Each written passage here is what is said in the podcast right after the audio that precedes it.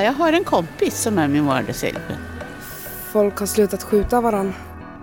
Det var inbyggningen på den nya akutsjukhuset eller akutmottagningen. Min mamma. jag vet inte. De vill förändra samhället till det som är bra för oss. Och eh, jag tycker det lyser igenom. Hej och välkommen till Listening Post Norrköping. Jag heter Mattias Lind och eh, du som lyssnar just nu har kanske hittat till den här podden efter att ha snackat med mig eller mina två kollegor vid Hageby bibliotek under den här månaden. Där har vi stått och ställt en massa underliga frågor till alla som kommer förbi och pratar med oss. I den här podden för vi ett samtal med Norrköpingsbor om frågor som vi märker behöver tas upp mer. Och inför vårt första avsnitt ställde vi frågan, om du var chef för en nyhetskanal, vad skulle du fokusera på då? Och utan tvekan så var det mest vanliga svaret positiva nyheter. Så under den här månaden så har vi fokuserat på just det. Vi har ställt frågor som Vem är din vardagshjälte? Eller När hände något bra i ditt område senast? Och med mig här i studion idag har jag min kollega Gabriella Norenius. Tja, hej! Hej, hur är läget? Det är bra, det är fint. Kan inte du berätta lite om vad vi har hört den här månaden? Absolut. Flera stycken berättade om människor som de har runt omkring sig och som ja, men gör bra grejer i vardagen. Vardagshjältar helt enkelt. Bland annat så sprang jag in i ett par killar som berättade om sin vänskap och om hur viktig den är. Vem var den första snubben som gav dig cigg i Sverige? Den här. Jag var utan cigg. Jag var under 18, jag kan inte ens köpa bror. Jag kan inte ens prata svenska. Jag kommer säga, han, jag känner inte ens han. Röker du? Ja. Cigg. Aj, aj, aj. Det där var första sen, mamma var Absad! Det var första hjälp vi kallade det. Ja. Betaminen, nikotin. Sen, ja, det, han har hjälpt mig med massa grejer faktiskt. Inte vad jag kan berätta, men man kan hamna andra, andrastans. ja. ja, men annars, han är min hjälte. Nej, nej, vi skojar bara. Vi har ställt upp för varandra, vi har hjälpt varandra med allt. Jobb och sånt, träning. Men det handlade inte bara om vänner och familj, utan vissa berättade också om möten med folk som de inte känner. Ja, fa- faktiskt vid ett tillfälle när min mamma precis hade dött på Mälarsjukhuset och klockan var framåt 11 på kvällen. Då mötte jag ett gäng killar. Och är de stirriga, jag har bott mycket i Stockholm också, då går jag, springer jag över på andra sidan gatan. Men de här hade bara druckit öl. Så de, de var inte hotfulla, men de var fyra stycken. Så jag berättade hur situationen var och då sa en av de där lunsarna, var rädd om dig. Det var ju gulligt. Alltså, jag tycker det här svaret var intressant, för när jag lyssnar på det, då är det ju som att mina egna fördomar blir liksom avslöjade. Ja, men det kommer fyra killar och jag tänker nej, något dåligt kommer hända. Men det är inte något dåligt som händer. Positiva nyheter är någonting som folk håller väldigt högt. Eh, och Gabriella, du och Tor har ju under den här månaden grävt lite i hur nyhetskanalerna ser på det här, eller hur? Ja, och vi stötte på en artikel som publicerades i januari 2015 av Sveriges Radio Kulturnytt. Och rubriken är Högkonjunktur för goda nyheter. Okay. Och den berättar om att allt fler medier väljer att satsa på just positiva nyheter. Och ungefär en vecka senare så publicerar även SVT om det här.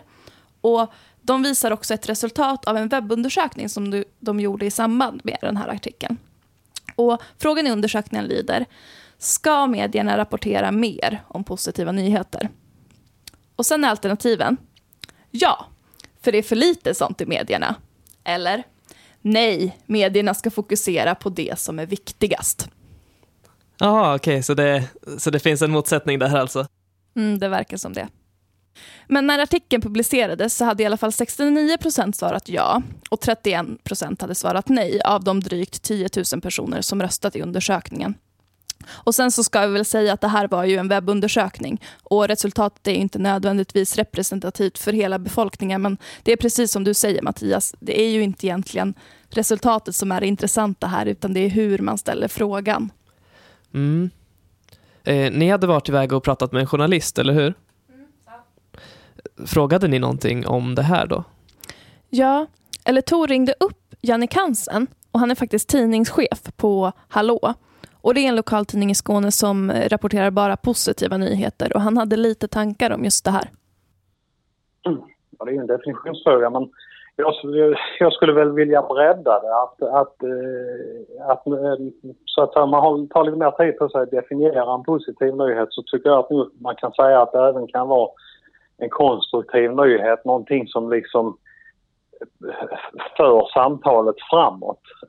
Och jag vet ju andra tidningar som jag har sett där man säger att man också har positiva nyheter. Där har man haft ett väldigt starkt fokus på att det man gör är att man visar glada människor på bild. Mm. Och det är ju inte riktigt det jag lägger i begreppet utan jag lägger ju ett mer, jag vill ha lite mer innehåll och journalistik i det. Jag tycker ju det för diskussionen väldigt mycket framåt om du kan visa på ett exempel där någon människa har varit väldigt framgångsrik, övervunnit ett svårt hinder. Därför att då, då, då får du det här att du inspirerar andra, du ger lösningar, du för samtalet framåt. Och det är egentligen det jag väger in i begreppet positiva nyheter. I januari 2018 då publicerades återigen en artikel på SVT eh, om positiva nyheter. Eller ja, konstruktiva som Jannik Hansen säger. Och här skriver även de att positiva nyheter, det är inte bara solskenshistorier, utan det handlar ju om att rapportera om ja, men, lösningar på faktiska problem. Och ett exempel som de tar är att det är viktigt att beskriva hur ebolaviruset, som dödade många människor i bland annat Liberia, faktiskt bekämpades. Liberia lyckades få stopp på viruset. Tack så mycket Gabriella för att du berättade om vad ni har lärt er om de här sakerna. Eh, nu har vi varit i Liberia och i Skåne. Eh, tillbaka till Norrköping då. Jo, vi var ju helt enkelt på jakt efter positiva upplevelser. Så vi hängde i Hageby bibliotek och pratade med folk och här är ett hopklipp av svaren som vi fick. Berätta om någonting bra som har hänt där du bor.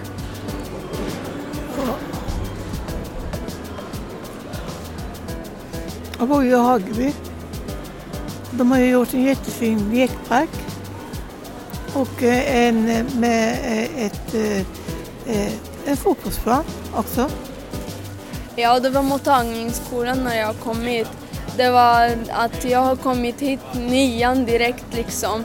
Men först i början har jag varit i mottagningsskolan. Där fick jag hjälp, där jag fick liksom det är för att jag fick stöd liksom från några lärare och sånt. Jag fick studiehandledning, jag fick höra alltså, av dem som jag hade, jag fortfarande har studiehandledning på gymnasiet. På vissa ämnen som jag har svårt att förstå. De är ganska breda ämnen ska jag säga, som privatjuridik och eh, EU, internationell rätt. Det är grejer som är ganska svåra genom begrepp och genom allmänt liksom och jag behöver förstå. Och jag fick allting stöd.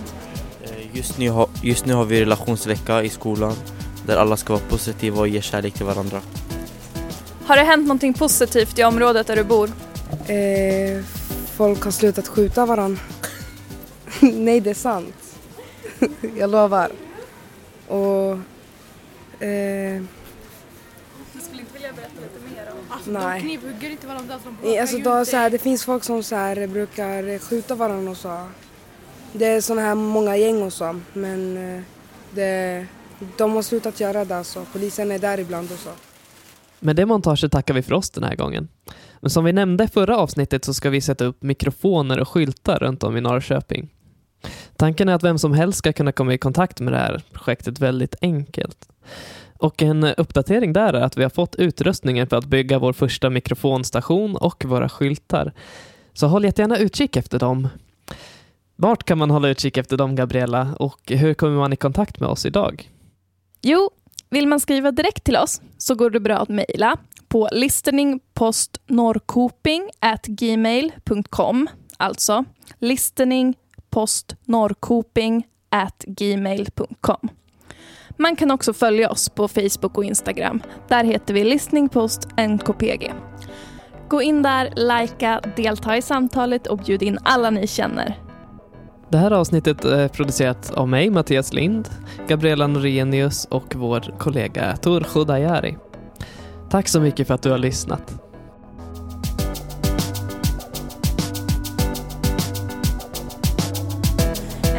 jag säger vardagshjälte, vem tänker du på då? Min mamma. jag vet inte. För att hon hjälper mig eller något. Hon lagar mat. So yeah, I, I would say uh, uh, Swedes people, they are shy but they are really helpful.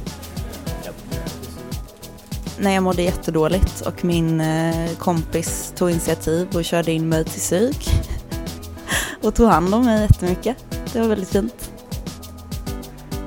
Eh, ja, mina vänner. För att de räddar mig i svåra situationer.